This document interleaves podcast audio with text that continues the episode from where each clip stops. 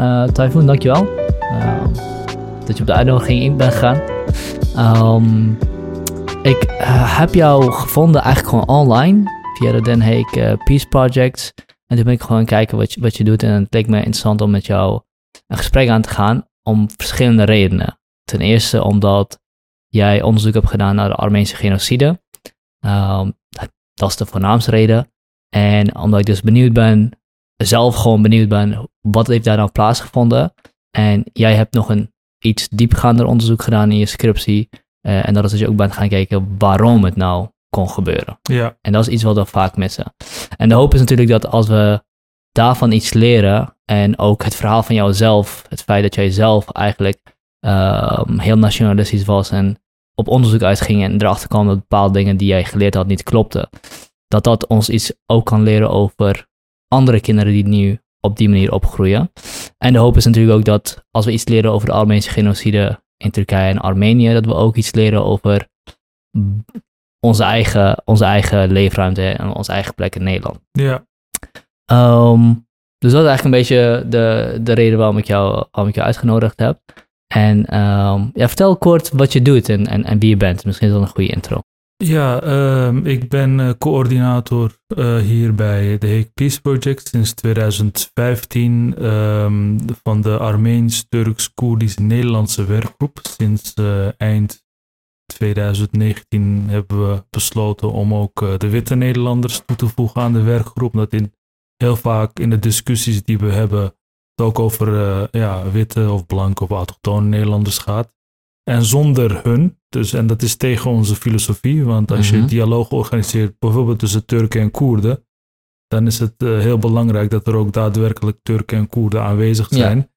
En, uh, een dialoog kun je, je kunt niet echt een dialoog met iemand waar je over praat. Precies, precies. En, en dat ja, dialoog is dus uh, vanaf ja, 2015 onze hoofddoel om natuurlijk bepaalde problemen die terugkeren in de maatschappij uh, aan te kaarten.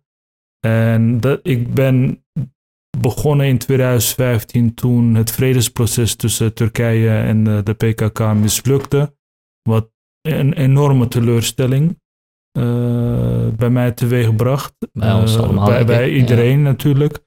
Nou, maar niet iedereen, want sommige ja. mensen zijn meer van de oorlogspolitiek. En toen dacht ik van, hé, hey, waarom moet ik nu opeens in die vechtstand gaan? Alleen maar omdat uh, de leider van Turkije uh, zegt dat we nu oorlog gaan voeren. Dus ja, het was ook een manier om zelf die kanalen van dialoog uh, te openen, mm -hmm. te graven. En ja, dat doe ik sinds 2015 met vallen en opstaan. met een betrokken groep mensen. Het is niet zo'n grote groep. Uh, maar het is wel een standvast uh, groep. Het is dus een werkgroep met verschillende etniciteiten waarin jullie een dialoog voeren. En waar gaan die dialogen over? Nou, uh, het gaat vooral over gevoelige kwesties. Mhm. Mm. Dus die hun oorsprong vinden in Turkije, Koerdistan, Armenië. en dus die politieke problemen, die hebben ook effect hier in Nederland. Mm -hmm. En, en wij, uh, er waren incidenten. En uh, dus dan praten we ook bijvoorbeeld over de Armeense genocide. De ontkenning die er nog steeds is binnen grote groepen van de Turkse maatschappij. De Turks-Nederlandse gemeenschap. En ja, we proberen te achterhalen van waarom die ontkenning er nog steeds is. En kijken wat wij als werkgroep kunnen betekenen voor elkaar. Mhm. Want het is ook heel negatief altijd tussen Turken, Koerden, Armeniërs. En kijken of we daar een alternatief uh, bij kunnen ja. Uh, ja, plaatsen. En, en hoe, kan, hoe kunnen die dialogen die in die groep plaatsvinden, hoe gaat dat effect hebben op daarbuiten? Kijk, die, die werkgroep komt dan bij elkaar en dan bespreken we meestal ook um, ja, de projecten die we samen willen gaan doen of hebben gedaan en evalueren die. En um, we, we, we, het is gewoon een plek, een eigen ruimte waar we hier zitten bij de Hague Peace Projects, wat Mhm. er voor die groepen mensen niet op deze manier uh, is in, Mhm. in, in Nederland. En uh, kijken hoe we zelf, bottom-up, kunnen kijken wat, wat moeten we doen? Moeten we uh, schoolbezoekjes doen? Mhm. Uh, en, en, en, ja, daar iets presenteren als Turkse, Koerdische en Armeense Nederlander? Of gaan we zeg maar meer in het openbaar, publieke avonden organiseren? Uh, en, en dat hebben we allemaal al gedaan. En het moet op een structurele manier plaatsvinden, vinden wij, omdat de problemen ook structureel zijn. Ja. Zou je een goed voorbeeld kunnen noemen van een project wat jullie gedaan hebben wat uh, positief effect heeft gehad? Um, ja, wat hebben ik... nu Turkus in Nieuw-West volgens mij? Precies, kijk, Turkus in Nieuw-West is eigenlijk uh, in 2018 is dat ontwikkeld. En dat was ook een beetje een reactie op, op wat we daarvoor hadden gedaan. Want we zijn in 2015 begonnen. En hier verderop bij Humanity House hadden we een evenement Tijd om te praten. Turken en Koerden in dialoog. Dus Ja. openbaar gingen we het over die zware onderwerpen hebben. En dat hebben we in 2017 gedaan. Eind 2017 met Bloedbroeders. Mhm. De documentaire van Sinan Jan. Uit 2015. Maar we dachten van het is een hele goede documentaire. Eigenlijk tijdloze documentaire. En die moeten we gezamenlijk kijken. Dus we, ja. we, zitten, we zitten heel vaak alleen achter onze laptop en op de smartphone. We kijken al die documentaires. Maar ja, de beleving is dan individueel. Het gaat juist om de gezamenlijke beleving en daarna eh, een QA. Mhm. Van wat hebben we gezien? Hoe sta jij er tegenaan? Of waar was jij het eens of mee oneens? Het is belangrijk om ook op die manier. eh, dat, dat, dat vond ik een van de wat mooiere projecten die we hebben gedaan. Dus, Ja. En dat hebben we toen in samenwerking gedaan met de doopsgezinde gemeente in Rotterdam. Ja. Eh, dat is een kerk van de weterdopers. En dat vond plaats eh, binnen een kerkgemeenschap. En dus je ziet heel vaak, de on- de, we komen bij elkaar als Turken, Koerden en Armeniërs. Maar het is ook een integratieverhaal. Want Mhm. eh, mensen, witte Nederlanders, zijn ook heel geïnteresseerd naar dit project, wat wij initiatief. Maar er is ook een afstand tussen zeg maar de autochtone gemeenschap en de allochtone gemeenschap. Dus op die manier zijn we eigenlijk op meerdere fronten ja, bezig. Dat is interessant. eh, dat je bij die moeilijkheden eigenlijk wat er wat vooral speelt tussen, tussen verschillende allochtone groepen, autochtonen erbij betrekt. Ehm, ten eerste omdat het inderdaad het ook een integratieverhaal is en omdat de autochtonen of de witte Nederlanders, blanke Nederlanders, Ja, eh, de woorden die we kiezen zijn tegenwoordig zo eh, beladen dat ik soms niet meer weet wat ik moet zeggen. Maar goed, in ieder geval. Dat is interessant dat die, dat die, dat die erbij komen om het te hebben over een probleem wat binnen die groeperingen plaatsvindt. Ja, en eigenlijk was dat ook een van de belangrijkste frustratiepunten in 2015, maar daarvoor 2014. Dus je had het vredesproces mislukte, maar in 2014 ook bijvoorbeeld Kobani, de aanval Mhm. van ISIS op Kobani. En, en dat vanuit Turkije eigenlijk genietend werd eh, gekeken naar wat er daar allemaal eh, gebeurde. Ik kan me nog die eh, dingen op WhatsApp heel goed herinneren van eh, tegen de PKK en zo. Ehm, maar wat ik dus wat opviel in de media, het, ging, het waren vooral witte Nederlanders, witte journalisten die over Turken en Koerden spraken, constant. En toen dacht ik van ja, maar waar zit dan die eigenaarschap in deze verhaal, eh, in deze eh, producties die plaatsvinden? Ehm, en dat probeerde ik ook eh, terug te Mhm. halen. Want ja, jullie kunnen wel schrijven over eh, Turken en Koerden, maar het is veel belangrijker dat die mensen zelf aan het woord komen. Ja. En nog een stap daarna kijken of we ja, een oplossing kunnen bieden Ja. voor elkaar. Waarom is het belangrijk dat, eh, dat Turken en Koerden bericht geven over Turkse en Koerden gebeurtenissen, als het, als het louter een berichtgeving is? Wat verandert dat? Aan- ja, aan het verhaal. eh, eh, kijk, het gaat niet zozeer om berichtgeving. Het gaat ook van om dat ze aan het woord komen. Dus dat Mhm. het volk eh, aan het woord komt. En, en dat gebeurde heel weinig. Het ging vooral over wat Erdogan had gezegd en wat er aan Koerdische leiders zeiden. Terwijl, ja, het volk is bijna altijd het slachtoffer eh, van aanslagen of aan de Koerdische kant. Ja. En dat, dat kwam niet echt goed naar boven. Maar het belang, kijk, die mensen, die experts, en dit is een, een algemeen probleem in de NGO-wereld, uh, maar ook in de, in de, in de media. Uh, het gaat om mensen die bericht doen, verslag doen van iets wat niet echt binnen hun eigen leefwereld een plaats heeft. Het, het is mm -hmm. gewoon een ver weg van hun bedshow. En um, dus dan, heb, dan denk ik van, in hoeverre voelen jullie wat er daar gebeurt? Mm -hmm. Dus het is wel belangrijk dat die mensen, waar, die, waar ook zeg maar uh, ja, die bommen vallen, ja. dat, die moeten dan ook hun eigen verhaal, die moeten de ruimte krijgen om hun eigen verhaal te vertellen. Ja, nee, ik, en, en inderdaad, ik, ik, ik zie dat ook wel gebeuren met, uh, met berichtgeving over Koeristan, van, uh, van mensen die inderdaad daar niet wonen of dat daar die ervaring niet doorleefd hebben, dat je toch merkt dat ze bepaalde dingen missen of bepaalde dingen niet helemaal meenemen, omdat ze die ervaring niet hebben gehad. Aan de andere kant uh, maakt, het, maakt die afstand die je hebt je juist niet, of is het niet juist de mogelijkheid die er is door die afstand dat je juist veel neutraler bent, omdat Zeker. je dus niet in die emoties schiet. Zeker, het is, het is enige distantie is Ja. natuurlijk heel belangrijk. Want als je kijkt naar Turken en Koerden, dan zie je wat voor traumatische effect te veel verbondenheid met een bepaald idee of een volk eh, kan hebben. Eh, maar het is dus, het schoot helemaal door naar die Mhm. andere kant. Dus het is wel belangrijk om een goede balans te vinden tussen distantie en betrokkenheid. Ja. En ehm, ja, sommige berichtgeving was echt van ja, de Turken doen dit en de Koerden doen dat. Het is echt zo'n verdeel en heers eh, mentaliteit. Eh, merkte ik ook wel, vooral in 2014, 2015. Eh, maar er is wel, ehm, hoe noem je dat ook alweer? Inzicht, iets inzicht. Een voortschrijden. Eh, in voortschrijden, ja, ik, ik merk wel enige voortschrijdend inzicht ook in de media. Dus het begint wel een beetje divers te worden. Mhm. Ik denk inderdaad dat het belangrijk is, vooral om eh, te begrijpen dat er een verschil is tussen koude berichtgeving van de events. Dit is wat er gebeurt, dit is dat gebeurd, die heeft dat gedaan, die heeft dit gedaan.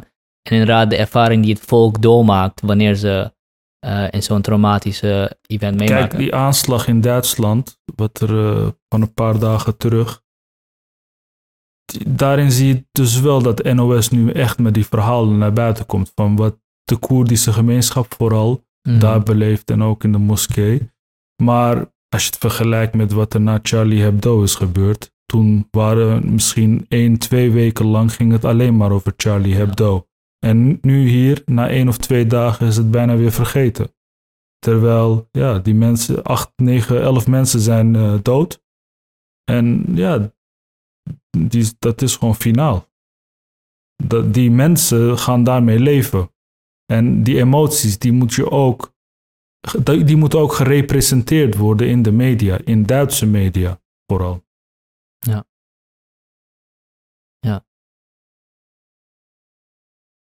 Armeense genocide. Yes. Eh, we kunnen hier over dit onderwerp denk ik heel- nog heel lang praten.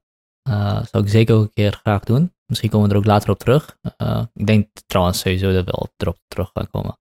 Want ehm, het heeft misschien ook wel effect op, op de Armeense genocide of hoe dat plaats heeft gevonden. Ehm, want interessant- wat, wat, mij interessant, wat ik interessant vond aan jouw uh, masterscriptie die ik gelezen heb, is dat je eigenlijk aan het begin zegt dat je eh, als kind geconfronteerd werd met bepaalde verhalen of ideeën die niet strookten met wat je geleerd had. ja. Uh, en daarna uiteindelijk ben op onderzoek uit bent gegaan en dan een, een waarheid op ontdekt waarvan je dacht, die niet strookte met wat je, wat je geleerd had of wat, je, wat aan jou overgeleverd was, misschien de juiste woord, het juiste woord. Um, voordat we ingaan op de inhoud van die scriptie, ben ik benieuwd hoe dat, hoe dat, hoe dat gegaan is, hoe dat aanvoelt wanneer je, uh, wanneer je een bepaalde waarheid hebt, of denkt te hebben, uh, met iets anders geconfronteerd wordt, denkt ik ga bewijzen hoe het zit en uiteindelijk erachter komt dat je waarheid die je eerst had toch niet datgene was. Ja, het is. eh, kijk, ik, ik ben geboren in een uh, Turks familie in uh, Amsterdam Oud-West. En mijn vader las altijd de Hurriyet. Dat is de, de Turks krant, Turks nationalistische krant, maar het betekent vrijheid, Hurriyet. Mm -hmm. En daarin had je altijd zo'n hoofdje van Atatürk, Mhm. mm. met daaronder zo'n lo, dat is hun logo, met Turkije, Türklerindir. En dat betekent Turkije is van de Turken. Mm. Mm, Dus ja, ik was vier of vijf jaar. Ik zei van, wie is dat? Wie is die man? Hij zei, ja, dat is de leider van eh, de Turkse natie. Ik zei, waarom? Hij heeft Turkije gered. En eh, wat staat daar? Turkije, Turkije. En ik zei, ja, maar dat is toch eh, logisch dat Turkije van de Turken is. Eh, maar later, en, en, en dus ook tijdens mijn onderzoek, merk ik, Turkije is van de Turken, is een slogan uit de Eerste Wereldoorlog Mhm. van Turkije moest van de Turken gemaakt worden. En, en dat, dat Turkije veel multicultureler was. Ja. En dat er veel andere bevolkingsgroepen waren. Maar dat is dus achteraf. Eh, maar kijk, dat, zeg maar, dat is een bepaald moment. Een ander moment is. ehm, we keken tv, Turkse staatstv, TRT. Eh, en, en het ging over Armeniërs. En, en het ging over de Sözde Ermeni soykırımı. Dus dat, die drie woorden, dat kwam steeds meer terug. En dat betekent de, de, de zogenoemde, zogenaamde Armeense genocide. Mm. Dus ik dacht van, ja, wie zijn die Armeniërs? En, en toen zei mijn vader van, ehm, ja, ze zijn gedeporteerd, maar dat was voor hun eigen bestwil. En ze woonden daar vroeger, maar eh, ze, ze pleegden aanslagen en voor hun eigen bestwil moesten ze van A naar B. Ik dacht al, ja, waarom moet je mensen van hun eigen huis en haard verplaatsen? Dus ik, ik begreep het niet echt, maar ik dacht natuurlijk, ja, mijn vader zal vast gelijk hebben. En die Armeniërs zijn sowieso eh, de foute kant. Mhm. Eh, dus het klopt wel. Hoezo waren ze sowieso de foute kant? Ja, dat, dat, Dat gewoon eh, iets, ja, als ja. je de hele tijd hoort van Armeniërs en terreur. En, en zo, er zijn ook in, hebben aanslag gepleegd Ja. op Turkse diplomaten. In, ook in Nederland in de jaren tachtig is er een Turkse diplomaat vermoord door Asala. Dat is de Armeens Revolutionaire Organisatie, die eigenlijk in Libanon in, van in de jaren zeventig is opgestaan Mhm. om eigenlijk ook weer aandacht te vragen voor de Armeense zaak. Eh, dus bij heel veel Turken leeft, hadden Armeniërs al een, een, ja, een traumatisch effect. Eh, en, en je ziet dat dat eigenlijk is doorgegeven naar de Koerden. Ja. Dus Koerd, Armeen, Griek, dat waren allemaal, ehm, die, als Turk, tenminste bij mij is dat zo geweest, het altijd een negatieve connotatie. Ja. Als je zegt Kurdistan of, of eh, Ermeni, Ja. het is alsof je een speldenprik krijgt. Ja. Van, want je bent zo voorgeprogrammeerd. Ja. En Misschien eh, een leuk verhaaltje hierbij. Ik was, eh, twee jaar geleden was ik in Istanbul. En eh, je hebt daar van die ferries waar je heen en weer gaat. Hè? En ik was aan het wachten. En het leuke wat ik, wat ik leuk vind aan Turkije en, en Istanbul is dat mensen tegen je beginnen te praten. Zomaar. Zeg maar, dat die, die broederschap bestaat er wel onder mensen. Ja. En het leuke is dat het niet... Als, je, als in Nederland iemand begint, met je begint te praten, beginnen ze een gesprek. Maar zij vallen in, in het gesprek. Dus Snap je een beetje wat ik bedoel? Dus we beginnen gewoon een heel verhaal. Dus een vrouw begint een heel verhaal tegen mij terwijl ik aan het wachten ben. En eh, ik zeg, oh sorry, ik spreek geen Turks. Ik spreek alleen, eh, eh, ik spreek geen Turks. Zij zegt, oh oké, waar kom je vandaan dan? En ik denk, oh shit, moet ik nou echt gaan zeggen? Koer, ik zeg, ik zeg eh, Irakees. En het glipt, of ik kom uit Irak en het glipte eruit dat ik Koerd ben. En ik zag haar zo. Zij zei, do you like PKK? oh my Ja. god. dus inderdaad, het, is gewoon, het, roept, het woord alleen maar roept al heel veel, maar ook gewoon angst en... en, en eh, Ja, en, het is, ja, daar zag je eigenlijk de bevestiging van hoe. eh, je hoeft alleen maar Koer te zeggen. Gelijk wordt de PKK erbij gehaald, of gelijk eh, wordt het in verband gebracht met eh, terreur. Beetje vergelijkbaar met eh moslimterreur hier in Nederland of in het Westen. En Koerdistan hetzelfde hoor, als je daar Turk bij haalt of... Ja, precies. Is het ook Aan zo? de andere kant, zeg maar ook in Armenië, in, in Koerdistan, heeft Turk, dat woord, of Turkije, heeft gewoon een hele ja, foute connotatie.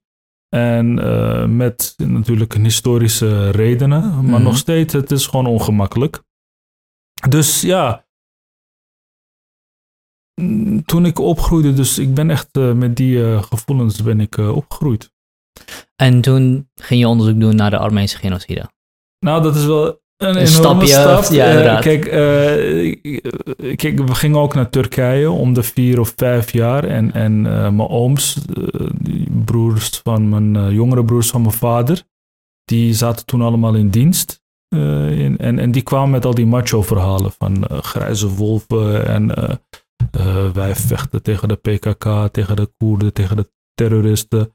En ehm, dus als jong kind, dan denk je van wauw, mijn stoere ooms, die zijn echt gevaarlijk en kijk wat ze doen. Dus die verhalen ga je dan ook in- later reproduceren.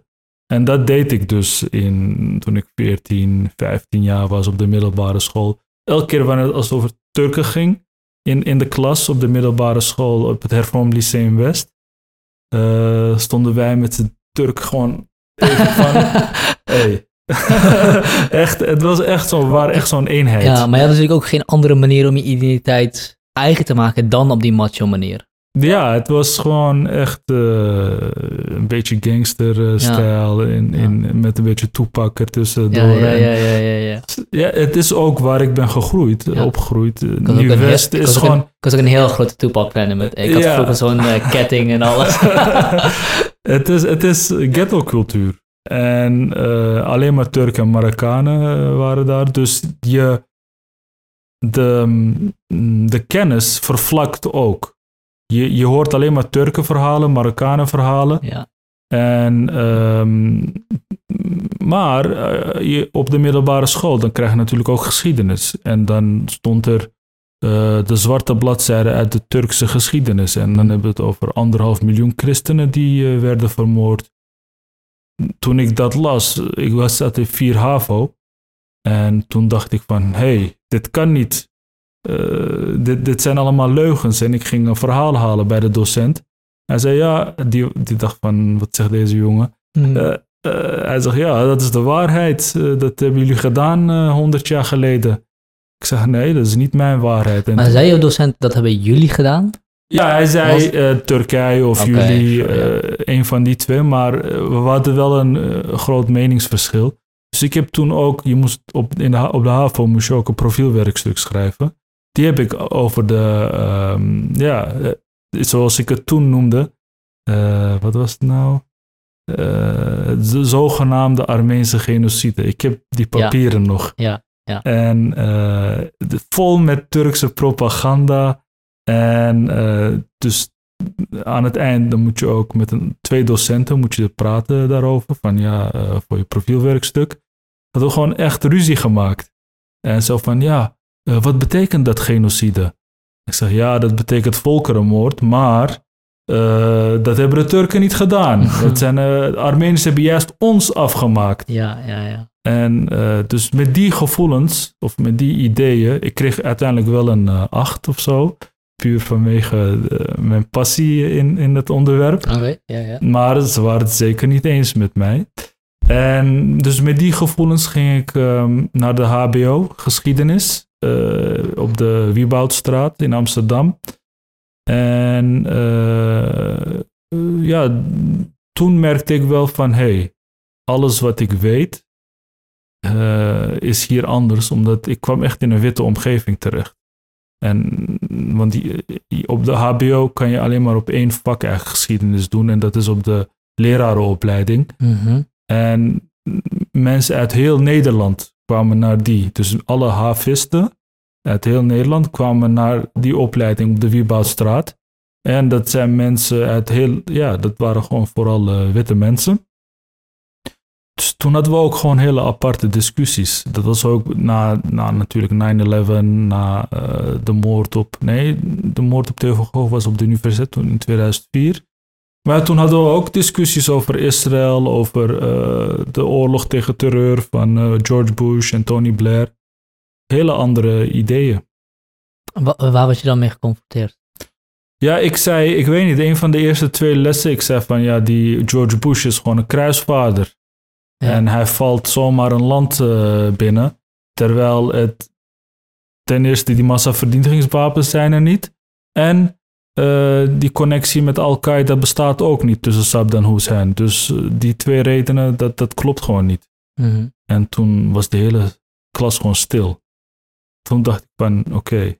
Dat, dat maakte me wel onzeker op de een of andere manier. Maar waarom maakte dat je onzeker? Ook om, ja, taal. Eh, Ik, ik, ik, ik, kijk, dit is hoe ik spreek. Ja, En, eh, en, en eh, daar hoor je natuurlijk een andere vorm van Nederlands. ja, ja, ja. En dat is gewoon veel vloeiender.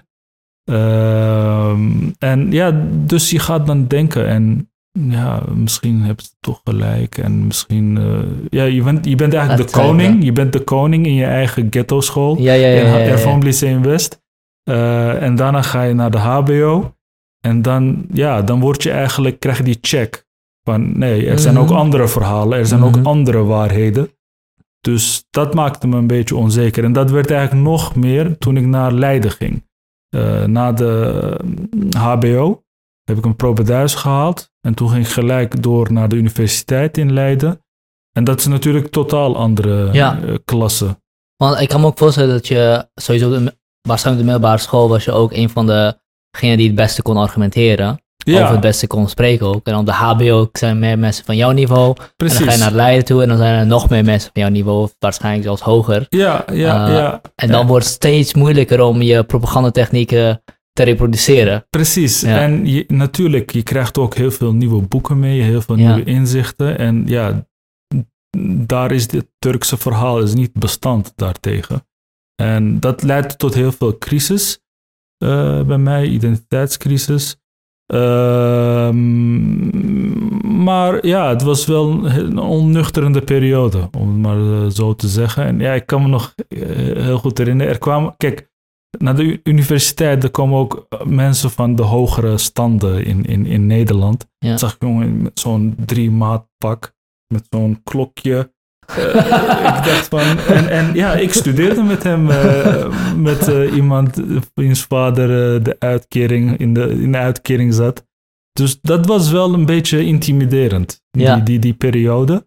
Maar ik vond het wel desalniettemin een ja, toch interessante periode. Het heeft me, ja, ik heb heel veel geleerd. Ja. Want je hebt dus de leraaropleiding gedaan en toen ben je naar Leiden gegaan en toen ben je daar ook geschiedenis gaan Ja, studeren. en, en dus ik heb me.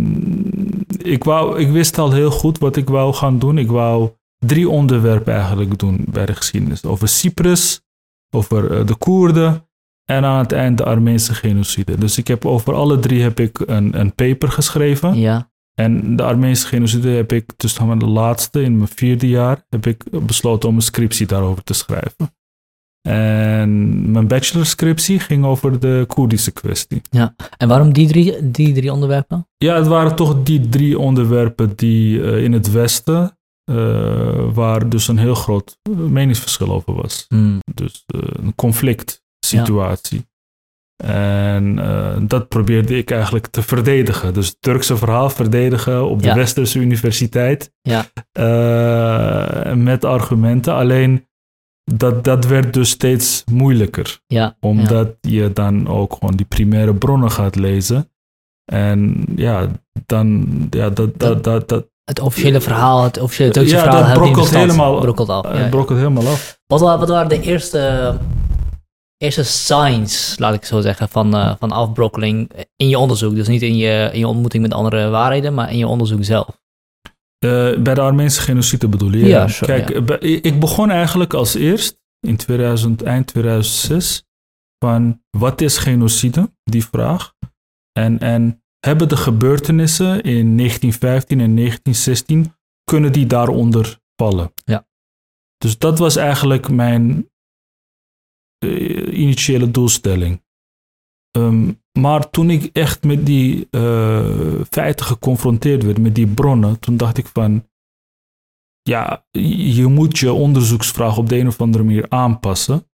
Eh, want eh, het is een genocide. Ehm, en, en daarbij waren die Turkse bronnen waren voor mij fundamenteel. Want, ehm, en dit is misschien heel nationalistisch om zo te denken. Kijk, al die westerse bronnen. Ja, al die westerse bronnen, daar dacht ik van ja, maar dat is sowieso wel propaganda. Ja, dus ja, ja, eh, dat, dat geloof ik niet. Ja.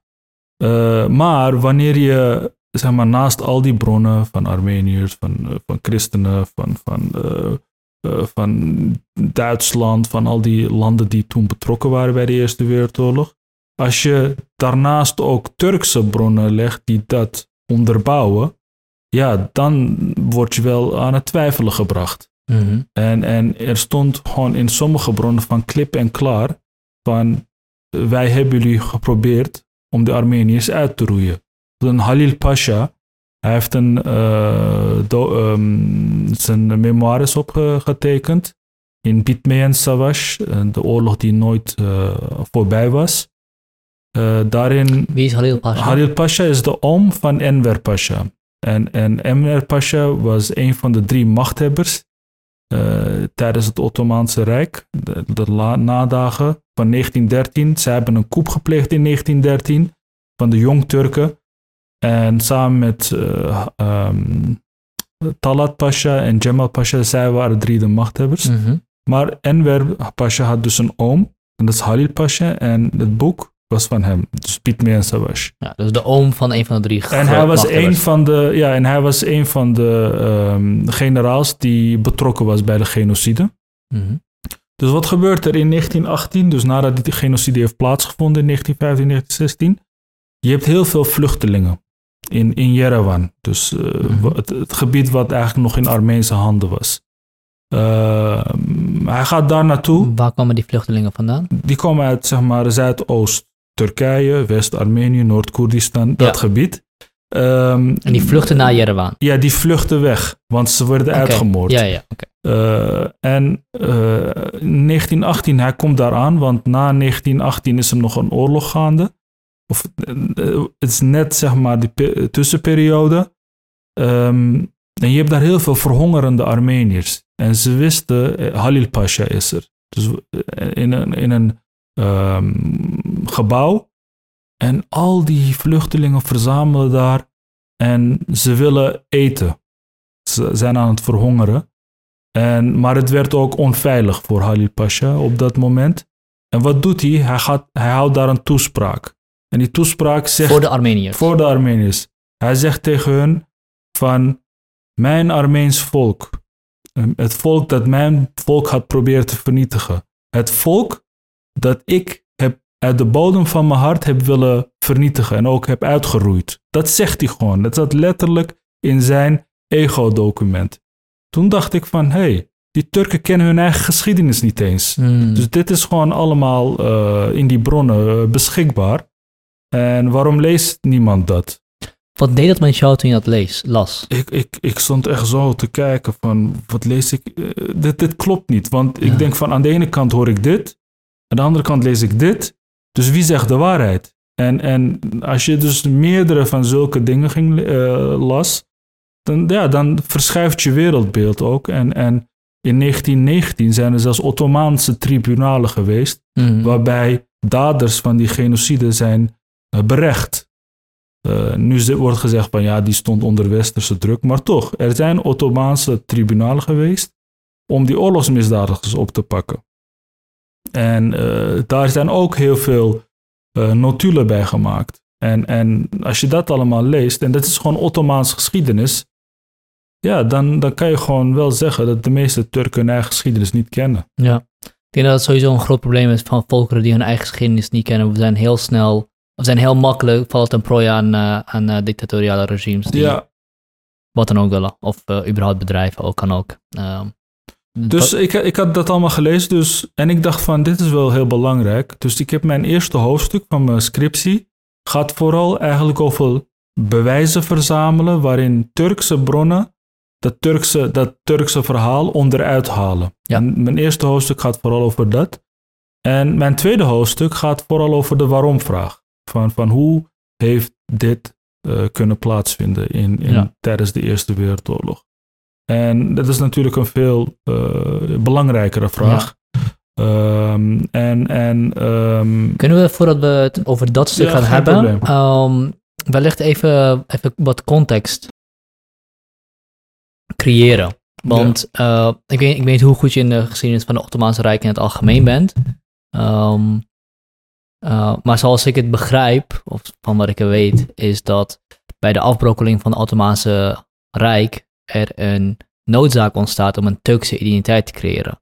Uh, en dat dat een van de redenen is waarom er heel veel onderdrukking is geweest van andere soortige identiteiten. Ja. Die uiteindelijk heeft geleid tot, of natuurlijk van, vanwege, vanwege verschillende factoren, maar dat is een beetje hoe ik het begrijp. Alleen ik weet niet zo goed wanneer het Ottomaanse Rijk begint af te brokkelen en, en, en uh, waarom die noodzaak bestaat om die Turkse identiteit zo sterk te maken. Die afbrokkeling, verval van het Ottomaanse Rijk, dat is natuurlijk een langdurig proces. Het begint eigenlijk al vanaf 1779, wanneer een, uh, een, een uh, verdrag wordt getekend tussen de Russische tsaar en, en het Ottomaanse Rijk, waarin de Russische tsaar ook als beschermer wordt erkend van de christenen binnen het Rijk.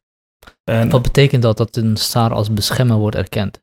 Dus dat, dat, dat, kijk, je hebt dus het Ottomaanse Rijk, dat is een rechtsgebied. Ja. Maar de Ottomanen verloren de oorlog tussen de tsaar in de, in de, in de Krim. Dit was rond 1979. 17, 1770, dus ja, 300 jaar geleden. Ja. En daar, dat wordt meestal gezien als kantelmoment. Eigenlijk eh, wanneer het Ottomaanse Rijk bergafwaarts gaat. Uh, want daarvoor had geen enkele Europese mogendheid uh, recht over de, over de christenen in het Rijk. Want het is een islamitisch rijk. Ze hadden het overwinnaarsrecht. Mm en, en niemand mag daar zich mee bemoeien. Ze waren volledig soeverein. Ja, ja, en dat begint dus te veranderen. Ook met de capitulaties. Dus dat er de christenen binnen het rijk privileges krijgen. Ja. Dat is wat capitulatie betekent? Ja, capitulaties. Okay. Dat, dat, dat, dat wordt zo genoemd. Maar kijk, dus dat proces is een heel langdurig proces. En bijna duurde 200 jaar. Mm -hmm. En uh, in dat proces uh, hebben heel veel mensen natuurlijk nagedacht over van hoe gaan we dit land redden. Van wat aan elden gidiyor. Uh, dat betekent het, het land uh, verliezen we. Ja. En, en hoe gaan we dit land redden? Dat was de belangrijkste vraag voor heel veel Ottomaanse denkers en ook politici, journalisten. Uh, vooral in de 19e eeuw, wanneer het... Wat, ja, sorry, wacht even. Wat, wat betekent voor hen om het land te redden? Ja, uh, dus dat... Wat houdt dat in? Dus uh, er, wordt, er gaat grond weg. Dus ja, al die... Dus het land wil je letterlijk grond, ja, niet, ja, niet een, een Dus staat. Servië wordt onafhankelijk, Griekenland wordt onafhankelijk, Rusland komt op, Europa, Frankrijk, Libanon wordt onafhankelijk in 1860 onder Frans protectoraat. Dus van aan alle kanten wordt eigenlijk. Um, grondgebied uh, weggesnoept. Ja, precies. Dat, uh, dit krimpt in één. En dat is dus een langdurig proces. En um, de, de redenen waarom dat zo gebeurt, is natuurlijk: er is een technologische achteruitgang. De westerse naties komen op met hun militaire materieel. Mm -hmm. Daar, dat, dus er is een achterstand. Uh, maar ook nationalisme komt op. Dus Mhm. nationalisme, dat, dat is ook een betrekkelijk nieuw fenomeen. En al die onderdrukte volkeren, die dus onder de Turkse juk uh, leefden, die willen uh, dat volk en natie samenvalt. Verenigd zijn. Dus, ja. dus Griekenland wordt onafhankelijk in, in, in de 19e eeuw, Servië, Montenegro, um, Bulgarije. En dat wordt ook gesteund door uh, imperialistische mogendheden. Mm -hmm. Zoals uh, Rusland, Engeland, uh, Frankrijk. maar er is dus ook. Het, het, het, verval van het Ottomaanse Rijk werd in Europa ook de Eastern Question genoemd. En, en dus de Oosterse kwestie van. en wat wordt daaronder verstaan? Hoe gaan we het Ottomaanse Rijk verdelen zonder dat we ook elkaar in de weg staan. In de weg staan of uh, dat, dat iemand te veel machtig, te ja. machtig wordt. Ja. En nog één vraag uh, ter verheldering. Ik, ik, ik, uh, ik begrijp hoe het nationalisme of de ideologie van nationalisme bijdraagt aan, aan volkeren die een eigen land willen. hoe draagt het opkomende technologie bij aan het verval van de Ottomaanse Rijk? Is dat puur alleen vanwege militaire campagnes, waardoor waar ze geen, geen kans meer in maken? Of zijn er nog andere Nou, bijvoorbeeld een mitrailleur, dat hadden de Ottomanen niet. Ja. Maar wel de Engelsen en, en de Frans, eh, Duitsers. Dus raken heel veel grondgebied vanwege militaire Bijvoorbeeld in ook, eh. Napoleon, in, toen hij Egypte binnenviel, Mhm. de Ottomanen waren daar niet tegen opgewassen. Eh, met zo'n weinig groep hebben ze gewoon een heel bataljon vernietigd. Ja. Dus da- daarin, dus die Egypte, het komt ook in Edward Said Orientalism eh, voor. Eh, dat was ook een belangrijk kantelmoment. Ook van, ze werden geconfronteerd met hun eigen falen. Mm. Ehm, dus, dus ja, het is gewoon technologische superioriteit aan de kant eh, van het Westen. En daardoor verliezen ze gewoon heel veel slagvelden Ja. of slagen. Oké. Maar dus het nationalisme komt op. En, en ja, de Ottomanen, dat, dat is natuurlijk eh, de, de ruling race, de ruling nation. En eh, van hun werd ook wel gezegd, zij zijn de laatste volk die nationalistisch werd. Binnen alle Oh, ja, ja. volkeren Ja. in het Ottomaanse Rijk die nationalistisch eh, zijn geworden. Ehm, nou, bij de Koerden zeggen dan meestal, ja, wij zijn eigenlijk de laatste, Ja. eh, wij hebben de boot gemist. Ja, ja, ja, ja. Eh, maar dat zegt eigenlijk wel wat, want het Ottomaanse Rijk, dat was natuurlijk een multicultureel, multireligieus imperium. En eh, de officiële lijn was dus Ottomanisme. Dus de Ittihad Anasr. En dat is de eenheid der elementen. Mhm. Dus je hebt gewoon heel veel verschillende volkeren. En de, de, die, die, dat is al eeuwen zo. En de sultan, dat is de politieke eh, machthebber. En die houdt alles bij elkaar. Dus iedereen kent, moet zijn plek kennen. Natuurlijk hebben christelijken een ondergeschikte plaats. Ja, want er was een hiërarchie wel in die ja, elementen. ja, de moslims, Ja. die, die, die stonden bovenaan de ladder. Eh, maar dat was dus een hiërarchie van religie, niet van ras. Ja, het was een religieus eh, imperium. Ehm, en en ja, de, de, de sultan had ook natuurlijk een religieuze betekenis. En dat werd ook steeds meer met Sultan Abdulhamid aan het eind eh, van de 19e eeuw. Eh, maar dus je hebt Ottomanisme als eh, legitimatie voor het Ottomaanse Rijk. Maar er werd, die, het krimpte nog steeds ineen en christelijke mogendheden eh, probeerden ook christelijke bevolkingsgroepen in het Ottomaanse Rijk eh, onafhankelijk te maken.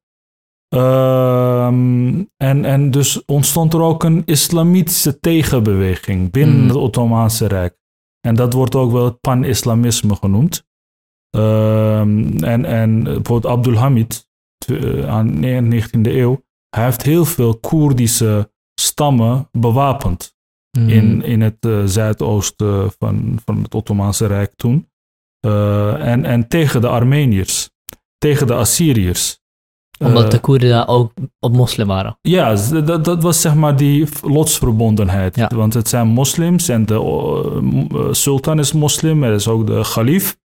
Eh, dus die werden bewapend omdat Rusland Armeens separatisme steunde. Dus, maar die islamitische lotsverbondenheid, dat, dat zag je ook in de Balkanoorlog. eh, toen Albanië eh, onafhankelijkheid, eh, onafhankelijk werd dat, of Montenegro, dat was ook, en de Arabieren tijdens de Eerste Wereldoorlog, die, die, die kozen ook de kant van de, van de Britten en de Mhm. Fransen. Dus daar werd ook aan getornd. Ehm, dus dat was ook in, tot zover. Ja. En En- welk jaar zitten we nu? Of We welk- zitten nu al in de Eerste Wereldoorlog. in de Eerste Wereldoorlog, De- ja. Je ziet eigenlijk al dat hele Eastern Question, dat leidt gewoon tot niks en leidt tot vernietiging tijdens de Eerste Wereldoorlog, die grote clash. En daar zie je dat de Jong-Turken de keuze maken voor Turks nationalisme. Ja. En wie Dus- zijn die jong Turken? De Jong-Turken zijn dus die.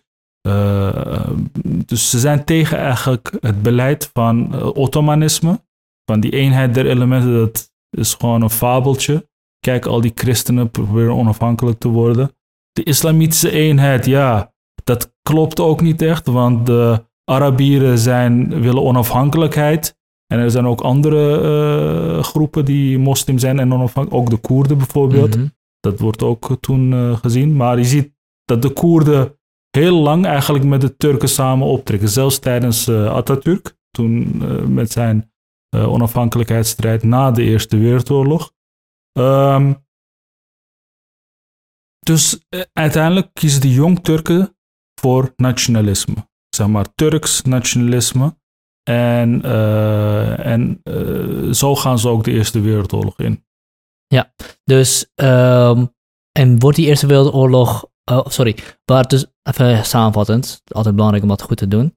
Uh, soms vergeet ik het namelijk. Um, de situatie die nu in mijn hoofd geschetst wordt, is dat dus een aantal honderd jaar brokkelt langzaam door technologische veranderingen en het opkomende nationalisme, brokkelt het Ottomaanse Rijk af.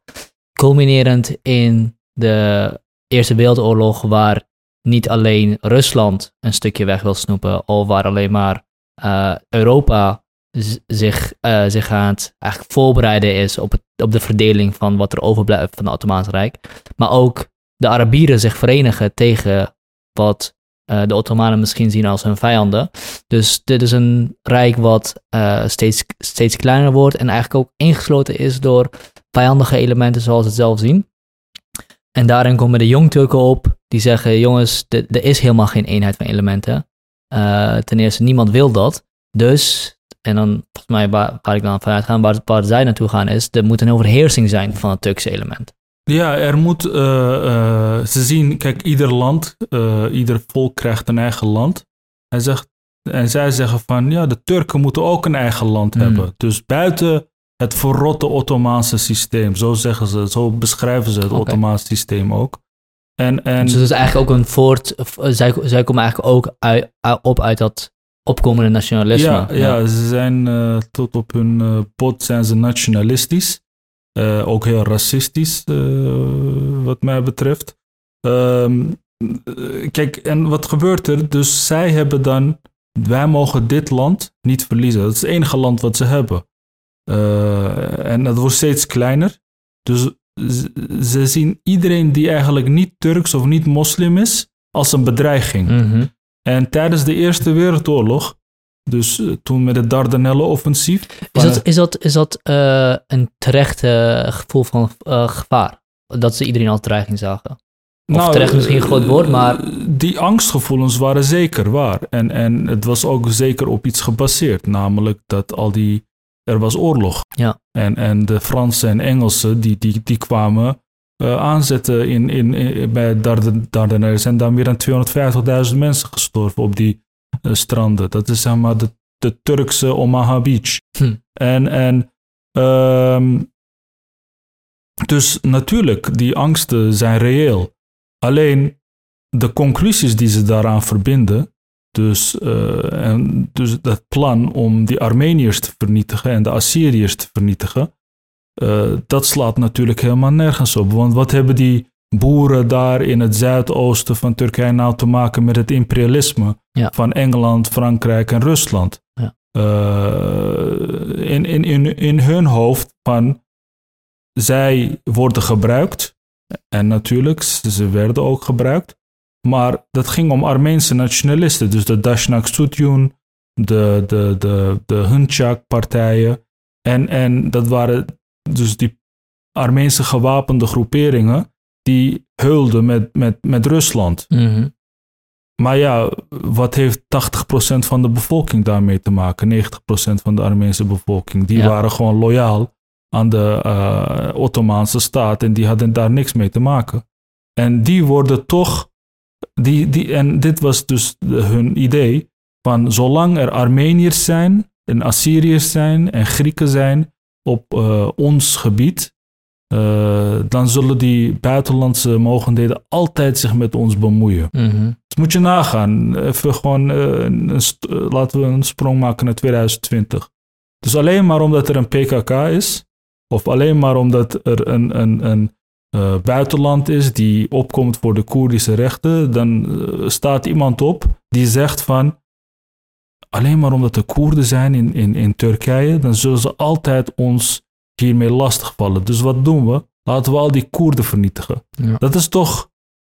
Ja, ja dat, dat, dat, dat zegt eigenlijk al alles. Dus maar op dat moment. Racistisch dan dat ja, kan natuurlijk op niet. dat moment, het is ook oorlog. Ja. Dus je kan die Armeense genocide ook En niet... dat moment, welk jaar zijn- zitten we nu? dus de, de- tijdens de Eerste Wereldoorlog. Tijdens de Wereldoorlog, tijdens, dus ja. in 1915. Dus je hebt het Dardanellen-offensief in het westen. En je hebt de Russische eh, offensief in het oosten. Dus vanuit een existentieel gevaar wordt besloten om de Armeense bevolking eh, uit te roeien. Ja. En dat gebeurt eigenlijk in drie, vier maanden. En is dit, is, wordt dat besluit genomen door de Jong Turken? Ja, En dan ben ik nog- ook nog even benieuwd, hoe, hoe komen de Jong Turken aan de macht? die zijn in 1913. Ja? Dus voor de Eerste Wereldoorlog. Want voor de Turken begint de oorlog al veel eerder. Want in 1912 en 1913 had je de Eerste en Tweede Balkanoorlog. Mhm. In, in de Eerste Balkanoorlog eh, eh, worden vier landen, Bulgarije, Griekenland, Montenegro en Servië, vallen het Ottomaanse Rijk aan. En krijgen ze heel veel, eh, eigenlijk het hele Europese gebied van het Ottomaanse Rijk wordt ingenomen. Soms enorme moslims worden daar ook gedeporteerd. Mm. Al die jong Turkse leiders, die komen ook allemaal uit de Balkan. Atatürk komt uit Sela- eh, Thessaloniki. eh, Enver eh, komt uit een Skopje. Die andere komt, dat zijn allemaal moslims in, op de Balkan. En die worden van de ene op de andere dag vluchteling. Mm. Een, een historicus zegt ook, je kan de Armeense genocide niet verklaren zonder 1913. Dus wat er daarvoor is gebeurd. Istanbul had in 1913 1 miljoen inwoners. En er waren 1 miljoen vluchtelingen. Dus dat is gewoon één op één. En dus dat leidt natuurlijk tot enorme haatgevoelens tegen christelijke groepen. Maar dat, wat hebben de Armeniërs daar weer mee te maken? Ja. De Armeniërs wonen in het oosten. Ja. Dus dat hele existentiële gevaar, dat is heel belangrijk om te begrijpen, om te verklaren wat er gebeurt. Ja. Maar het is dus, ja, ze hebben onschuldige mensen eh, aangepakt. Vanwege het gevaar die ze zagen in bepaalde Ja, gewapende groeperingen. Dus dat is de legitimatie. De Ja. rechtvaardiging is, eh, we moeten het land redden. En, en dat land moet in ons handen blijven. En eh, dat eh, kan niet met de Armeniërs en met de christelijke bevolkingsgroepen. En dus daarom zijn Ja. ze, hebben ze hun aangevallen. Dus eh, eh, je had het over het Dardan- Dardanellen-offensief. Ja. Dat vindt plaats. En vanuit het oosten vindt De Russische offensief. de Russen va- ja. vallen aan. En in, dat, in deze, deze gebeurtenis culmineert het, het besluit om eh, de, de Armeense genocide te voltrekken. Of wat er Precies, nu- kijk, het begint eigenlijk al eerder. Enver Pasha, die waarschijnlijk nooit van Napoleon heeft gehoord, die besluit om met 90.000 man Rusland aan te vallen. in winter. In de winter, Ja. in 1914. 60.000 Turkse troepen gaan dood, bevriezen dood zonder één schot te lossen.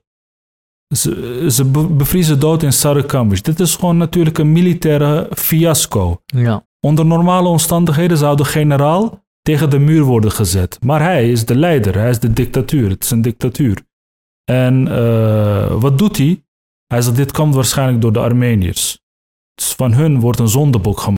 Mm. Dus dat is ook een, een factor om, om dat, Ja. tot die culminatie te leiden. Dus, dus, dus december 1914, eh, dan wordt, en dan, wanneer dus de Dardanellen-offensief begint, dan wordt eigenlijk het besluit genomen. En op 24 april eh, 1915, dan wordt ook de Armeense intelligentsia eh, aangepakt. Dus Mhm. eigenlijk eh, al 200, eh, 250 mensen uit Istanbul, Armeniërs, worden opgepakt. Krikor Zohrab, andere parlementariërs, die worden naar het oosten gestuurd en geëxecuteerd. En w- wanneer dat besluit genomen wordt om, die, om de Armenen te, eigenlijk te vernietigen, wat, wat voor gebeurtenissen voltrekken zich dan? Ehm, dus eh, je hebt ehm, eigenlijk die genocide eh, gaat als volgt. Zo, het begint met die 24 april, wanneer de Armeense eh, elite, eh, die Armeense gemeenschap worden eigenlijk onthoofd. Dus ze hebben geen leiders meer na Mhm. 24 april. eh, die iets kan betekenen, die contacten hebben. En daarna in, in, in eigenlijk drie maanden wordt de hele bevolkingsgroep in het oosten van het Rijk. Eh, die, er wordt gezegd van er is een, voor jullie eigen veiligheid worden jullie van A naar B gestuurd. Mhm. En dus, eh, maar op sommige gebieden, bijvoorbeeld die heel dicht bij het front zijn, in Bitlis, in Mush, Uh, daar, daar vinden helemaal geen deportaties plaats. Daar worden gewoon de hele bevolking wordt daar ter plekke vermoord. In kerken worden ze gestopt, verbrand. Uh, je ziet dat die mensen die de genocide wilden plegen ook heel erg gebruik hebben gemaakt van de natuurlijke omstandigheden. Dus uh, heel veel mensen werden ook zonder enige levensmiddelen naar de woestijn gestuurd. En dat is eigenlijk de manier om, om, om, om al die groepen mensen te vermoorden. In Trabzon, dus aan de Zwarte Zeegebied, daar worden mensen massaal verdronken. Dus er wordt aan hun voeten werden touwen vastgebonden met een, met een uh, steen. Worden ze zo omgekiept in, in, in, in de zee. En dat gebeurt ook bijvoorbeeld in, uh, bij de Eufraat. Dus je hebt daar een brug, daar worden heel veel mensen in de water uh, gegooid. Zo. Dus, um, gewoon een totale ontmenselijking. Ja, het is gewoon een, een, een, een, een, een genocide. Dus met het doel om die Armeniërs te verwijderen uit dat gebied. Er waren daar 3000 kerken. Daar is bijna helemaal niks van over. En hoeveel mensen worden vermist of vermoord? Of? Het gaat uh, om een aantal van tussen de 1,2 en uh, een anderhalf miljoen mensen. In hoeveel tijd? In, in, uh, dus van 1915 tot 1916. Dus in 1916, want uh, wonder bij wonder worden mensen die naar de Syrische woestijn, naar Der Zor worden gestuurd. daar ontstaan vluchtelingenkampen. Ja. En, en um, je hebt daar ook een een Ottomaanse maatregel van er mag niet meer dan 5% christenen over zijn in een bepaald gebied. En toen zag hij dat daar veel meer mensen was. Dus in 1916 ontstaat er nog een aanval op al die vluchtelingen daar. En eh, er wordt rond de 1,2 en 1,5 miljoen mensen eh, vermoord. En niet alleen Armeniërs, maar ook Assyriërs. Zo, 1, je nog ik heb de cijfers gewoon niet meegekregen. 1,2 en 1,5 miljoen. In, in een jaar tijd en dan later nog een keer. In 1916 in de zomer nog een keer. Ja. Dit is natuurlijk uh, een collectieve trauma voor de Armeense bevolking, waar, uh, waar, ze, waar de nog langer na, nog langer na niet uitgekomen zijn. Ja, het, is, het heeft hun.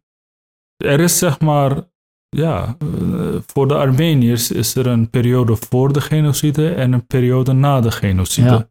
Het is uh, van enorme, ja, hun hele bevolking, al het land, alles is vernietigd. Dus die woede van Armeniërs, die kan je alleen maar begrijpen als je deze geschiedenis kent. En als je mhm. dit niet kent, of als het nooit wordt verteld, dan denk je van, hè, waarom zijn die Armeniërs, waarvan waar die haat? als zeg maar Turk. Ja. Uh, maar ja, die Koerden waren daar ook uh, bij betrokken. Die, aan de kant van Turkije. Aan de kant van ja. uh, de Jong Turken. En ja, daarna waren de Koerden zelf aan de beurt. Zeg ja. maar. Nadat die Turkse republiek werd opgericht, al die waren de Koerden vanuit een uh, economisch opzicht of vanuit een ideologisch opzicht betrokken? Natuurlijk was er ook zeg maar, zo'n islamitische losverbondenheid. Want je was een periode van, uh, van imperialisme, dus wat, wat we net al hebben besproken van Rusland en Engeland en Frankrijk.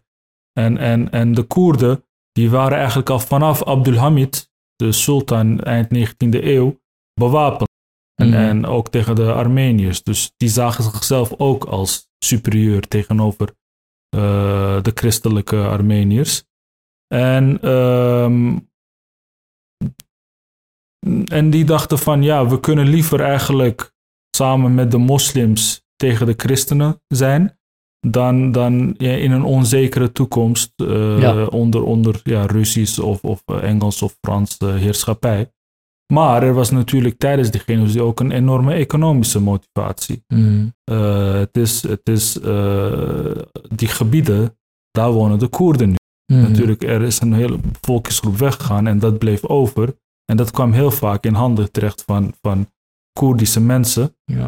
Uh, maar ja, het is wel een Turks plan. Het is mhm. geen Koerdisch plan. Het is een Turks plan geweest en de Koerden waren daarbij mededaders.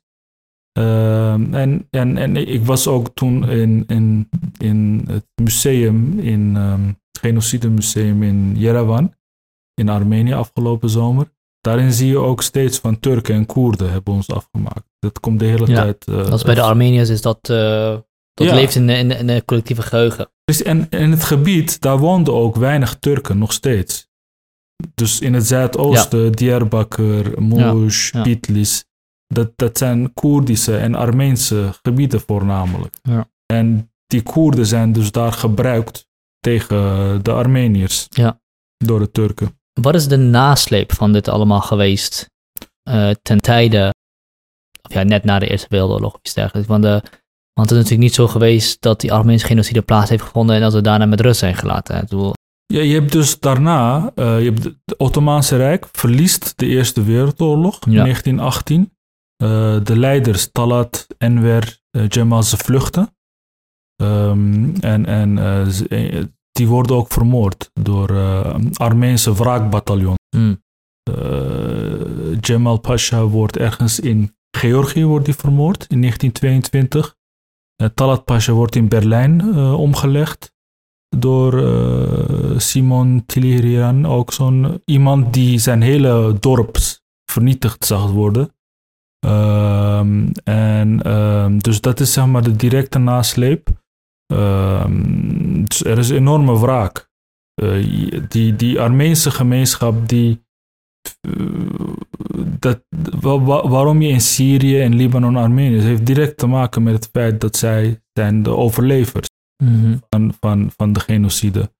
En wat gebeurt er na 1918? De Ottomaanse Rijk verliest. En, maar die nationalisten denken van, we hebben deze oorlog niet gevoerd om het land toch nog eh, uit te leveren aan, aan, aan Engeland of aan Frankrijk. Eh, want Turkije verliest zeg maar na- naast Duitsland als verliezende. Er wordt een verdrag getekend, de Sevres. De Ottomaanse sultan eh, tekent die. Maar die nationalisten, die jong-Turken, die zeggen nee, wij gaan door met strijden. En, en dat hele Armeense genocide was eigenlijk ook plan B. eh, Of, ehm, eh, eh, dat werd gedaan om het verzet vanuit die kant te organiseren. En dat gebeurt ook. Hoe bedoel je de, het verzet vanuit die kant? Wat van, ze hadden ergens al door, we gaan dit niet Verliezen? Dit, we gaan dit niet, ehm, Niet eh, winnen? wit- niet winnen. Dus daarom wordt eigenlijk ook die Armeense genocide gepleegd. Zodat er in het oosten van het Rijk toch nog een plek is wat helemaal van ons is. ja, ja, ja, ja. En, en van daaruit kan dan zeg maar nog steeds gestreden worden. Eh, dat wordt, de organisatie heet Karakol, Zwarte Hand. En dat Karakol, mm, de Nederlandse poli- of, ehm, Turkse politieposten ho- heten ook nu allemaal Karakol. Dat heeft ook te maken met toen. De zwarte, de zwarte arm, sorry. De zwarte ko- kool betekent arm. Ah, kool. Kool, ja, ja, ja. ja, in het Koerdisch is het kool. Ja. En ehm, dus zij strijden, eh, dus je hebt het verdrag van Sevres. ja. Daar zijn de nationalisten het niet mee eens. En eh Atatürk, eh, Mustafa Kemal, komt op en die organiseert het verzet. En die vecht ook tegen de Armeniërs.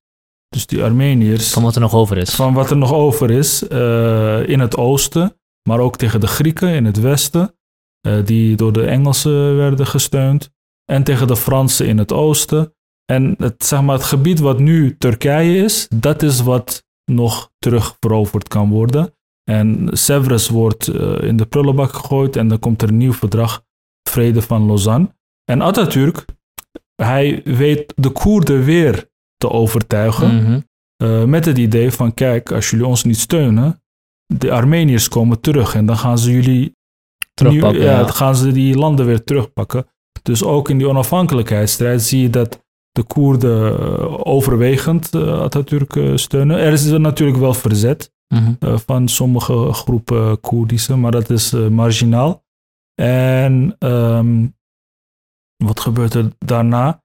Ja, de, de, de, vrede van Lausanne en dan hoor je ook helemaal niks meer over de Koerden. En in 1924, nadat het kalifaat wordt afgeschaft, ja. is er, want dat was eigenlijk de enige verbindenis met de Turken. eh, die islamitische landverbondenheid. Uh, dat is er ook niet meer over. En dan ontstaat ook het, tegelijk de Koerdische opstanden weer. Van nee, zo waren we niet getrouwd. Ja. We zouden dit land samen opbouwen. Ja. En dat gebeurt niet. Ja, Eh, dus we hadden het net er al over hiervoor. eh, De eh, Koerden zijn al heel lang speelballen geweest van de grootmogenheden in de, in de Ja. gebieden. En worden heel snel ingezet om te strijden. Het zijn vaak ook heel, heel, heel sterke strijdkrachten, dus die, kunnen, die kun je heel goed gebruiken. Ehm, ehm, maar ze worden ook heel vaak inderdaad weer, weer verraden of, of ze denken dat ze iets aan het doen zijn wat ze niet aan het doen zijn. Ja, Ehm, dus dat is, dat is een veelvuldig iets inderdaad. Wat ik ook benieuwd naar ben, en, en ik weet niet of je, of, je, of je dit weet, maar ik, ik dacht er inderdaad aan. In een van die verdragen is er ook een Koerdistan. Eh, ik weet niet of het Piek Sukko is, Sèvres of Lausanne. Sèvres is, ja. is, is, is in Koerdistan, maar het wordt in een volgende versie, wordt dat in eh, Lausanne. in bestaat Lausanne die- bestaat niet meer onder druk van Turkije. Ja. Wat is, wat, eh, wat is weet, je, weet je daar iets van? Of? Ja, dus je hebt het Ottomaanse Rijk verliest die oorlog. Ja. En dan zijn er allemaal plannen. Ja. Eh, van een stukje krijgt Italië, een stuk eh, Armenië komt er. En, en eh, Istanbul wordt een internationaal gebied, zeg maar, net als het Vaticaan.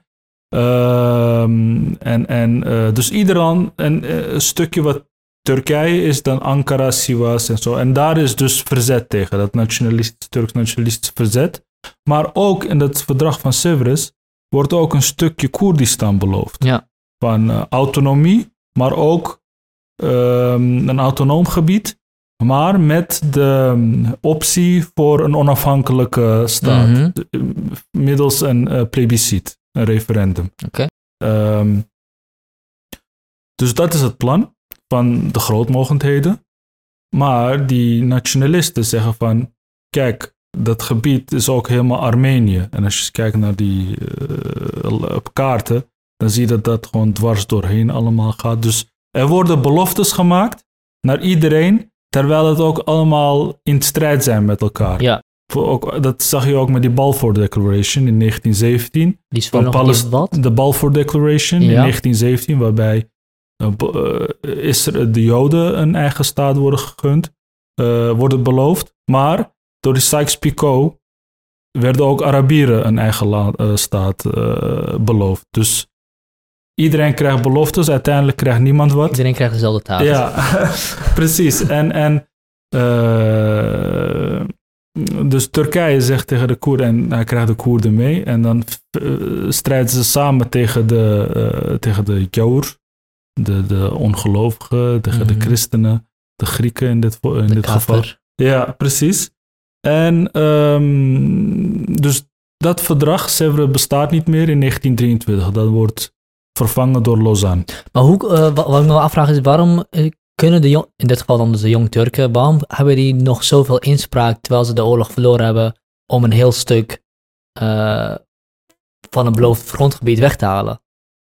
Dus, dus wat is hun, hun brokering, of wat is hun leverage, waardoor ze, Engeland was het in dit geval volgens mij, kunnen overtuigen om in een volgend verdrag geen Koerdistan mee te nemen?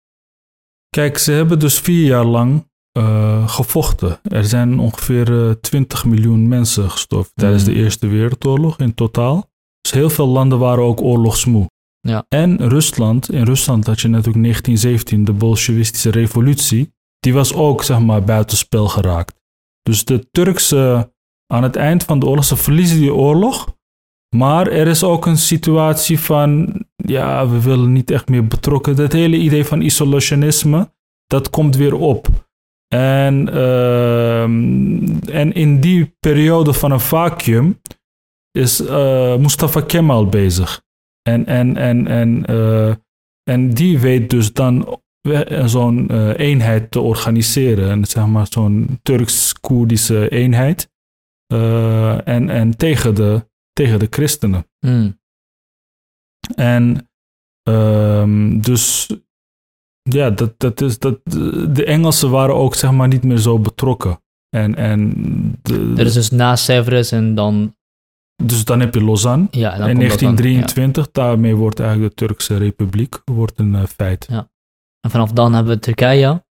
En ehm, eh, eh, ik heb het idee alsof dit idee van nationalisme en dit, dit heel sterke, wellicht zelfs racistische nationalisme, eigenlijk al in, de hele geschiedenis van Turkije vanaf, vanaf Lausanne nog steeds, eh, nog steeds bezig is. Eh, en wat ik me dan afvraag is, waarom is het zo, zo enorm belangrijk voor Turkije om nog steeds vast te houden aan die politiek en eh, wat overduidelijk waar is, te blijven ontkennen? Je hebt dus een heel sterk superioriteitsbesef hè? van eh, wij zijn Turken, wij zijn eh, de erfgenamen van het Ottomaanse Rijk. Wij eh, hebben over drie continenten hebben we geheerst. En dus dat, dat is dat, dat, bijna 600 jaar en dat gaat niet zo snel weg. Bijvoorbeeld Gloria Wekker heeft het ook over 400 jaar slavernij. En, en eh, dat, dat gaat niet zo even heel snel weg. Dus dat eh, mensen, eh, dat laat sporen achter. Ja.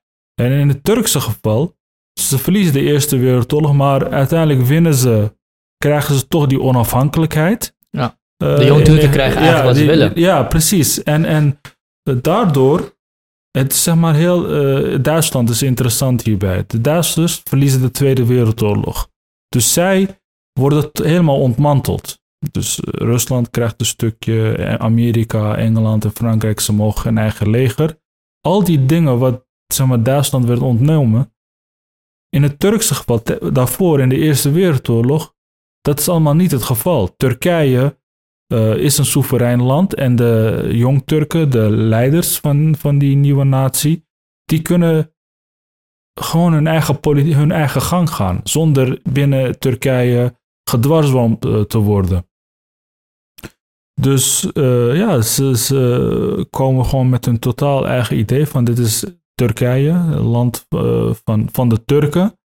En eh, iedereen die in dit land wil wonen, moet Turks worden. Hmm. En daarvan zijn vanaf de oprichting van de republiek de Koerden de grootste slachtoffers. Als, die bleven als de grootste minderheid over in die nieuwe natie.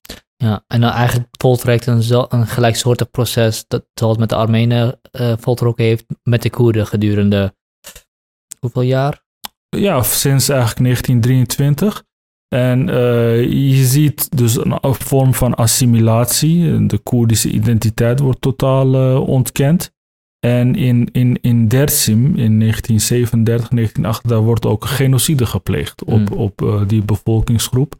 Daar wordt de hele ongeveer 50 à 60.000 mensen eh, wordt of vermoord of eh, gedeporteerd. En, en eh, ook omdat ze Koerden waren. Je, je ziet ook, er is een, onlangs nog een nieuw document naar boven gekomen. een, een, een dagboek van een soldaat die daar actief was. Turkse soldaat. Turkse soldaat, die zegt ook van, ja, vandaag gaan we weer op Koerdenjacht.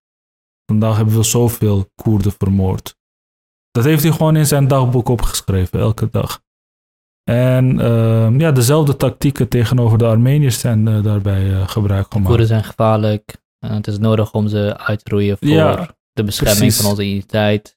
Ze, zijn, eh, ze zullen altijd kunnen gebruikt worden tegen ons door eh, buitenlandse mogendheden. Ja. En ehm, ja, ze, heel veel Koerden zijn toen naar het oosten gedeporteerd. En heel veel Turken naar het westen om het zeg maar zo'n mengel moesten maken, zodat ze hun Ja. eigen identiteit zouden verliezen. Maar dat is gewoon falikant mislukt, dat eh, idee van, eh, Van eh verdunning. van de Turkse natiestaat. Ja. Want Zou je de, ja, zou je de Turkse nazistaat als mislukt beschouwen? Ja. Ja. Het is, het is, ja, kijk, het is wat, wat zeg maar, Atatürk en, en eh, de Jong-Turken, eh, het idee van we gaan nu die Koerden assimileren, dat is niet gelukt. De, Ja. de, de Koerdische identiteit is alive and geworden. kicking. Ja, het is alleen maar sterker geworden. Ja. En eh, ja, we hebben nog steeds, eigenlijk zijn we nog daarmee bezig, 100 jaar na dato. En, ehm, maar ja, nog steeds worden dezelfde fouten gemaakt. Wat, eh, waar ik mee zit is dat, dat kijk, er, is, er ontstaat een behoefte vanuit een bepaald gevaar wat gezien wordt. Eh, als we heel, even helemaal teruggaan naar wat de jong Turken zien. Er ontstaat een bepaald gevoel, en, een- en een bepaald drang om jezelf te beschermen. En uh, dat gevaar wordt geprojecteerd niet op een specifieke groep, maar op een specifieke bevolkingsgroep. Dus niet de bewapende Armeniërs, maar Armeniërs. En uh, wat er gebeurt is dat alles wat, wat niet volgens de eigen identiteit gezien wordt, tegelijkertijd als een gevaar voor de eigen identiteit gezien wordt. En als je dit verhaal vertelt, dan zou je kunnen zeggen dat, ja, tuurlijk willen mensen zichzelf beschermen, maar die zelfbescherming wordt dan een, een, een vernietiging van een ander. Ja. Dus het wordt een onmenselijking van datgene wat, wat een gevaar voor jou vormt. Ja. En um, uh, nou, dat, dat, dat, dat, ik, ik wil eigenlijk zeggen dat spiraled out of control, maar het is niet out of control. Het is juist een zeer rationele, uh, uh, um, georchestreerde vernietiging van bevolkingsgroepen. Ja. En, en wat er dan gebeurt inderdaad is, kijk, deze bevolkingsgroepen worden ook getraumatiseerd. En, die, en hun, hun identiteit als bevolking wordt alleen maar sterker, omdat ze als Armenier, als Koerd, uh, bedreigd worden door, Turk, door Turken.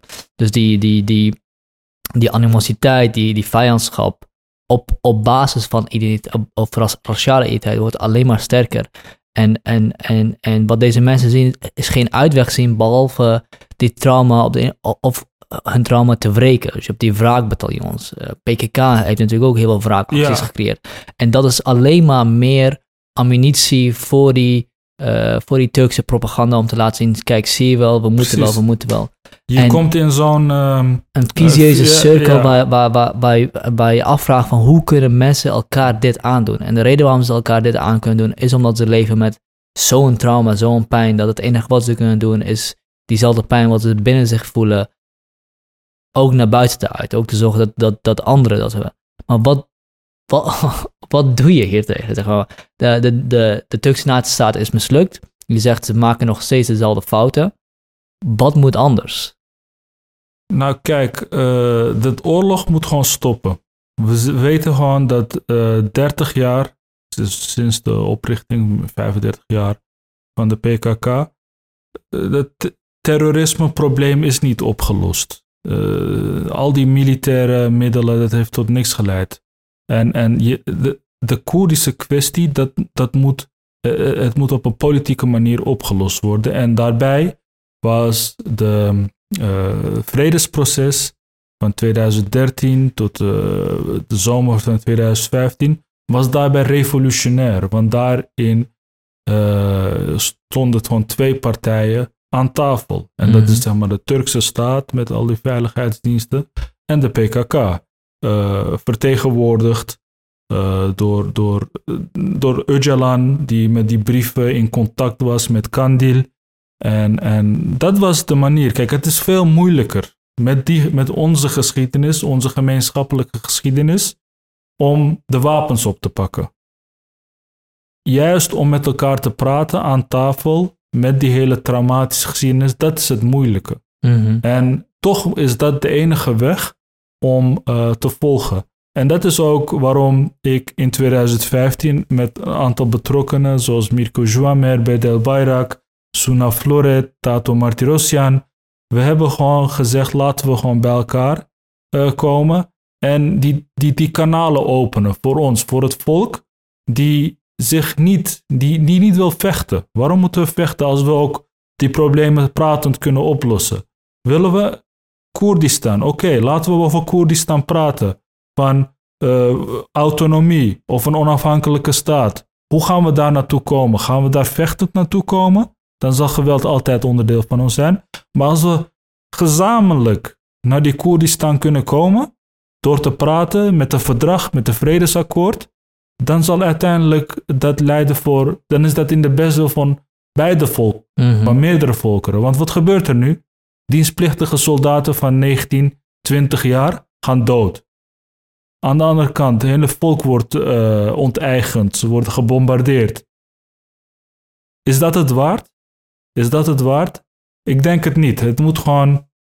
Het is gewoon heel lastig. Ook eh, om hierover te praten vanuit luxe Westen, waar ik ja. en, en terwijl daar, daar moet het gebeuren. De oplossing ligt daar. Wat wij hier vanuit het Westen kunnen doen, is kijken of wij ja, signalen van vrede kunnen opsturen. Het is, eh, we zijn zo geprivilegeerd Maar toch leven we met, zo mee met eh, wat er daar gebeurt. Mhm. Ehm, het is ook, ja, waarom denk je dat al die vluchtelingen hier naartoe komen? Omdat hier toch een relatieve vorm van veiligheid en vrede is. En ehm, het is gewoon belangrijk om ja, aan tafel te gaan. Mhm. En, en ja, te praten ook over die gevoelige kwesties. Eh, kijk, als je kijkt, als je in Armenië bent, daar, daar hebben mensen nog steeds een claim op dat gebied. Dus die claim is zeg maar niet alleen vanuit Koerdische kant, maar ook uit Assyrische kant, uit Armeense kant. En, en eh, hoe ga je, zij willen ook herstelbetalingen. Ja. Ze, ze hebben Ja. gewoon een hele volk is vernietigd. En eh, hoe ga je dat oplossen zonder te praten? Ja, als je niet praat, dan is geweld. Eh, De enige de, Ik, denk, ik, ik, ik ben het helemaal met je eens. Eh, we voeren nu al eh, wellicht 100 jaar oorlog en bu- burgeroorlogen. En die gaan, dat, dat gaat niet lukken. We gaan er niet mee komen op die manier. Ja, Ehm, alleen wanneer je zegt de oorlog moet stoppen, ja, uiteraard. Alleen wat het probleem daarmee is, is dat. Kijk, hoe heeft, hoe heeft Turkije nou die offensief genoemd in Syrië? Eh, White Dove of Peace nog iets? het is een vredesoffensief. Het wordt beschouwd als een vredesoffensief. vredestak Vredestad, Ja. zoiets inderdaad. in Afrin. En Afrin inderdaad. Dat, dat, dat is denk ik de crux van het probleem. Inderdaad, ik denk dat heel weinig Turken zijn die zullen zeggen, nationalistische Turken. Die zullen zeggen, ja, ja, vre- oorlog is goed, daar willen we heen. Ik denk wat ze zullen- zullen zeggen, de enige vrede- manier waarop we vrede kunnen bereiken, is door Terroristen op te, op te sporen. sluiten. Op te eh, sluiten. nou, maar Dus, dat- dus, dus wanneer je zegt, sorry, wanneer je zegt de oorlog moet stoppen, er is nog iets daarvoor af. En inderdaad is het aan tafel zitten, maar ja, het is veel makkelijker om de wapens op te pakken dan aan tafel te zitten met degene die jouw doop heeft afgebrand. Het is veel makkelijker om vanaf een afstand een kogel door iemands neer te schieten dan degene die jouw doop heeft afgebrand en die wat dan ook in de ogen aan te kijken en daar een gelijkwaardig gesprek mee te voeren. En, en, en die, die trauma, ik weet niet hoe we daar gaan uit gaan komen. Klopt, je hebt daar helemaal gelijk in. Het is, eh, zoals ik al zei, het is makkelijk om vanuit eh, Ja. hier te praten. eh, dan als je zeg maar je hele familie is vernietigd, is ver- verbrand, bijvoorbeeld in die kelder in, in, in, in Jizre. Ehm, maar ook zeg maar aan de andere kant, en dienstplichtige soldaten zijn omgekomen, die zijn ook helemaal niet geïnteresseerd in, eh, in, in, in een oplossing. Ehm, maar uiteindelijk ligt de oplossing wel vooral zeg maar, bij de acceptatie van Koerden als gelijkwaardige eh, mensen. Mhm. Dus en, en, en kijk, je hebt dus die invasie gehad in oktober in, in het, stukje eh, Noord-Syrië, in Rojava. En wat is er gebeurd? Eh, Wat is er gebeurd? Er zijn, eh, je hebt daar nu een klein strookje, maar ehm, eh, je hebt zoveel mensen vermoord. Er zijn zoveel mensen nog meer getraumatiseerd. Je hebt eigenlijk geïnvesteerd in oorlog, in een eindeloze oorlog. Ja. Dit terwijl als jij die plek daar eh, had geaccepteerd als jouw buur, als jouw, eh, ja, als, als een gelijkwaardig eh, land, Mhm. ja, dan had jij geïnvesteerd in vrede. En dan waren al die soldaten niet doodgaan. En ook al die andere mensen niet doodgaan. Ja. En ehm, dus daar ligt eigenlijk de grootste ehm, verantwoordelijkheid. Dus aan, bij Turkije en vooral bij Turken, die Koerden en Koerdistan moeten erkennen en accepteren. En dat, dat, dat is er niet. Ja. Dat is er Ik denk niet. inderdaad, al is het alleen maar omdat Turkije de grotere machthebber daarin is, dat, dat, dat het heel belangrijk is dat vanuit Turkije de acceptatie van Koerden als gelijkwaardige mensen als eerste stap. Precies, eh, en dus die verantwoordelijkheid moeten ze nemen. Alleen ook dat tijdens het mislukken van het vredesproces, het ligt vooral zeg maar wat er gebeurt in Syrië. En daar is gewoon een, ja, eh, de afgelopen tien jaar is daar gewoon, eh, ja, de mensheid is daar verdwenen. Eh, als je kijkt wat er nu in Idlib gebeurt, al die verschillende bondgenootschappen tussen Assad, PYD, eh, Rusland, De Iran, Ja. Hezbollah. en aan de andere kant, zeg maar, die Syrische oppositie, Turkije, ISIS. Ehm, dus mensen zijn, zeg maar, in zo'n houtgreep gekomen. Dus dat elke stap naar die andere kant als verraad wordt gezien. Ja. Of, of er is geen ding meer overgebleven. Ja. Ehm, Er is geen eh, individualiteit overgebleven. ja, of een, ja, eh, ja. Dus, en, en dat maakt het zo moeilijk. Eh, ook als je kijkt hoe de, bijvoorbeeld de oppositie tegen Assad naar de Rojava kijkt. Dat is ook zeg maar alleen maar haat en, en, en woestheid. Puur omdat zeg maar die link met Assad. Ehm, en dat maakt het gewoon heel moeilijk. En wat moet er uiteindelijk gebeuren? Al die partijen die daar betrokken zijn, moeten uiteindelijk met elkaar praten. Dat Ja. is de enige oplossing. Ja. En als je niet praat, dan is vernietiging de enige op, eh, de, Ja. de uitweg. Dat is inderdaad de keuze die je moet maken, Ja. denk ik. Wil je, wil, je, wil je een heel volk vernietigen of wil je aan, aan tafel en in vrede kunnen Ja, leven? dus je moet met Assad praten, je moet met eh, PYD praten, je moet met Turkije praten, je moet met Rusland praten, je moet met Iran, met Hezbollah, met... eh, ook Rojava, ook met met ISIS SDF. moet je praten. Kijk, ook al die mensen die daar in die Koerdische kampen vastzitten. Kijk, dat is ook die kinderen. Wat is hun schuld? Wat is, zij hebben geen schuld. En ook die kinderen die, eh, zeg maar, met een Nederlandse link. Ja, dat je ze in die kampen laat, dat leidt alleen maar tot meer terrorisme. Mhm. Denk je dat die mensen. eh, denk je dat die mensen ehm, eh, zonder perspectief en zonder toekomst. dat er eh, iets moois uit hun gaat bloeien? Nee. En, en ehm, daarom. Het is, kijk, het is makkelijk om te zeggen van we moeten praten. Maar dat is wel de enige oplossing. Ja. En, en de rest is zeg maar eh, vernietiging. Ik denk dat het een eh, goed moment is om te eindigen hierbij. Eh, Dankjewel, ik wil je eh, echt hartstikke bedanken. Een heel interessant verhaal. Eh, en ik hoop heel erg dat wat je hier aan het doen bent en de projecten die je hebt, eh, go- goed gaan doorbloeden naar, naar andere dingen. En wat je zei, als we hier signalen van vrede laten zien, dat dat over kan hevelen naar, naar Precies, dankjewel. Kijk, dit is gewoon een gesprek. En, en dit is voor mij gewoon heel belangrijk dat we dit meer van zulke gesprekken voeren. En ik wil ook jou bedanken dat jij mij die mogelijkheid hebt eh, Graag geboden. Dankjewel, Shad.